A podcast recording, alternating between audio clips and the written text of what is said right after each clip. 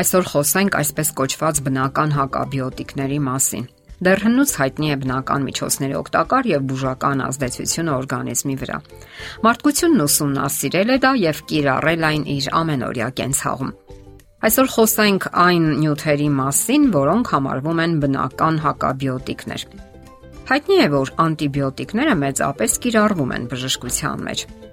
Անվիճելի է դրանց դերը բորբոքային գործընթացների ժամանակ, սակայն գաղտնիք չէ նաև, որ դրանք ունեն մի շարք կողմնակի անցանկալի ազդեցություններ։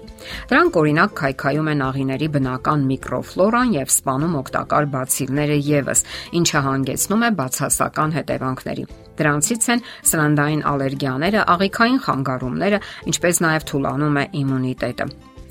Ինչ է կարևոր իմանալ անտիբիոտիկների առումով։ Անտիբիոտիկների մեծ մասը սկսում է ազդել ինֆեկցիայի վրա այն ընդունելուց արդեն մի քանի ժամ հետո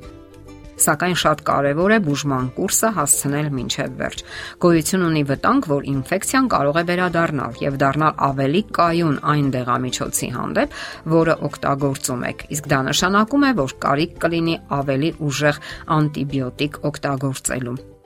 Հաջորդը Եթե ընտանիքի անդամներից մեկը պատրաստվում է ընդունել անտիբիոտիկներ, ապա հարկավոր է հետևել նրա սննդակարգին։ Այդտեղ պետք է հնարավորինս շատ լինեն այնպիսի մթերքներ, որոնք պարունակում են ցինկ եւ սելեն, ինչպես նաեւ A, E եւ C վիտամիններ։ Դրանք բոլորն էլ ունեն հակասնկային ազդեցություն։ Իսկ ահա բնական անտիբիոտիկները կանխարգելիչ դեր են կատարում եւ կարող են օգնել օրգանիզմին պայքարելու տարբեր ախտաբանական գործընթացների ժամանակ։ Եվ որ պակաս կարևոր չէ, ճունեն կողմնակի ազդեցություն։ Իսկ ինչպես ասում են, լավագույն դեղամիջոցը կանխարգելումն է։ Նշենք նաև, որ դրանց համար մեծ գումարներ վատնելու կարիք չկա։ Պարզապես հարկավոր է օգտագործել դրանք նպատակային։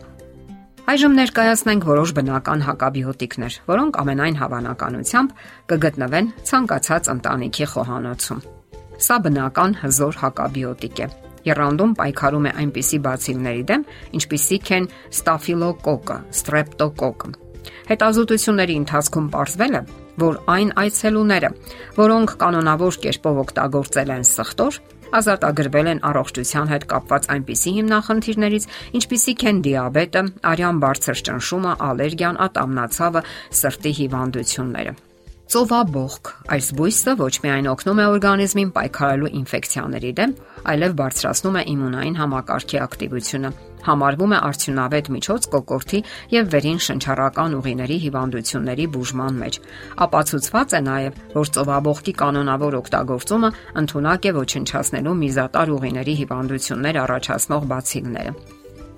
Հաջորդը մեղրն է։ Վաղուց հայտնի է մեղրի բուժարար եզակի հատկությունները։ Մեղրն ունի հակաբացիլային, հակասնկային, հակաբորբոքային, անտիօքսիդանտ, անտիսեպտիկ եւ վերքամոքիչ հատկություն։ Հասկանալի է իհարկե, որ խոսքը բնական մեղրին է վերաբերում։ Երբեք չմոռանաք հիրավի հրաշագործ մեղրի մասին։ Անհնար է անգամ մի քանի հաղորդումների ընթացքում ներկայացնել նրա բոլոր հատկությունները։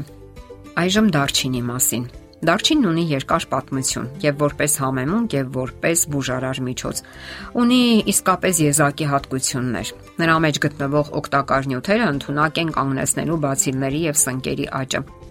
հարուստ է անտիօքսիդանտներով։ Որպես համեմունք բարենպաստ է ազդում ենթաստամոքսային գեղձի վրա, կարգավորում է շաքարի եւ ինսուլինի մակարդակը արյան մեջ, կանխարգելում է դիաբետի զարգացումը։ Կոճապղպեղը եւս համարվում է հզոր անտիբիոտիկ։ Այն հայտնի է ռուսական իմբիր անվանումով։ Ավանդաբար օգտագործվում է գրիպի եւ մրսածության բուժման համար։ Սակայն վերջերս հայտնաբերվել է, որ ունի նաև միզամուխ հատկություն օգնում է ոչնչացնելու գրիպի բացիլները եւ բարձրացնում է իմունային համակարգի ընտունակությունները պայքարելու վարակների դեմ կանխարգելիչ միջոց է սրտխառնոցի եւ փսխումների, ինչպես նաեւ հղիության եւ քիմիոթերապիայի բուժման կուրս անցնելու ժամանակ։ Լայնորեն օգտագործվում է նաեւ ստամոքսի խանգարումների ժամանակ։ Համարվում է բնական հակաքաղցկեղային կանխարգելիչ միջոց։ Իսկ էվկալիպտի եւ էխինացեայի մասին հավանաբար քչերն են լսել։ Էվկալիպտը կարելի է օգտագործել որպես տեղային հակաբիոտիկ, որովհետև մաշկի վրա դնելու ժամանակ ոչնչացնում է բացիլներին։ Այս բույսը օգտագործվում է նաև թեյի մեջ որպես համեղ եւ օգտակար հավելում, որովհետև պայքարում է ինֆեկցիաների դեմ, ինչպես նաև օգնում է ամեն տեսակի հազերի բուժման ժամանակ։ Արդյունավետ է որպես ջերմիչեցնող միջոց, որպես բնական անտիսեպտիկ ոչնչացնում է սնկերին եւ բացիլներին։ Էխինացիան եւս պարունակում է այնպիսի նյութեր, որոնք բարձրացնում են իմունային համակարգի ակտիվությունը, հանում են ցավը, նվազեցնում են բորբոքումը։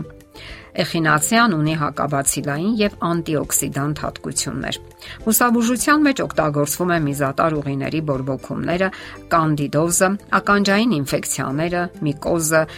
սինուսիտը, եւ նույնիսկ դանդաղ լավացող վերքերը բուժելու համար։ Հետազոտությունների համաձայն էխինացիայի թուրմը ակտիվորեն պայքարում է հերպեսի բացիլի դեմ, օգտագործվում է մրսածության եւ գրիպի դեմ պայքարում, ինչպես նաեւ ոչնչացնում է բացիլի այնպիսի տեսակ, ինչպիսին է ոսկեգույն ստաֆիլոկոկը։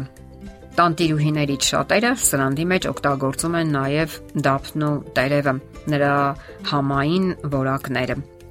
Այն ունի ամենալայն ոլորտի վտանգավոր բացիլների եւ սնկերի աճը կանգնեցնելու, ինչպես նաեւ ոչնչացնելու զարմանալի հատկություն, ընդ որում թույլ է տալիս, որ մեր օրգանիզմի մեջ զարգանան օգտակար բացիլներ։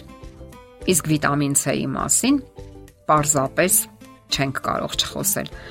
Օգտակար են այն բոլոր մրգերն ու բանջարեղենը, որոնք պարունակում են այս վիտամինը։ Իսկ դա արդեն մեկ այլ հաղորդման թեմա է, որի մասին կխոսենք հաջորդիվ։ Դե ինչ, եղեք առողջ։ Եթերում է առողջ ապրելակերպ հաղորդաշարը։ Հարցերի եւ առաջարկությունների համար զանգահարել 033 87 87 87 հեռախոսահամարով։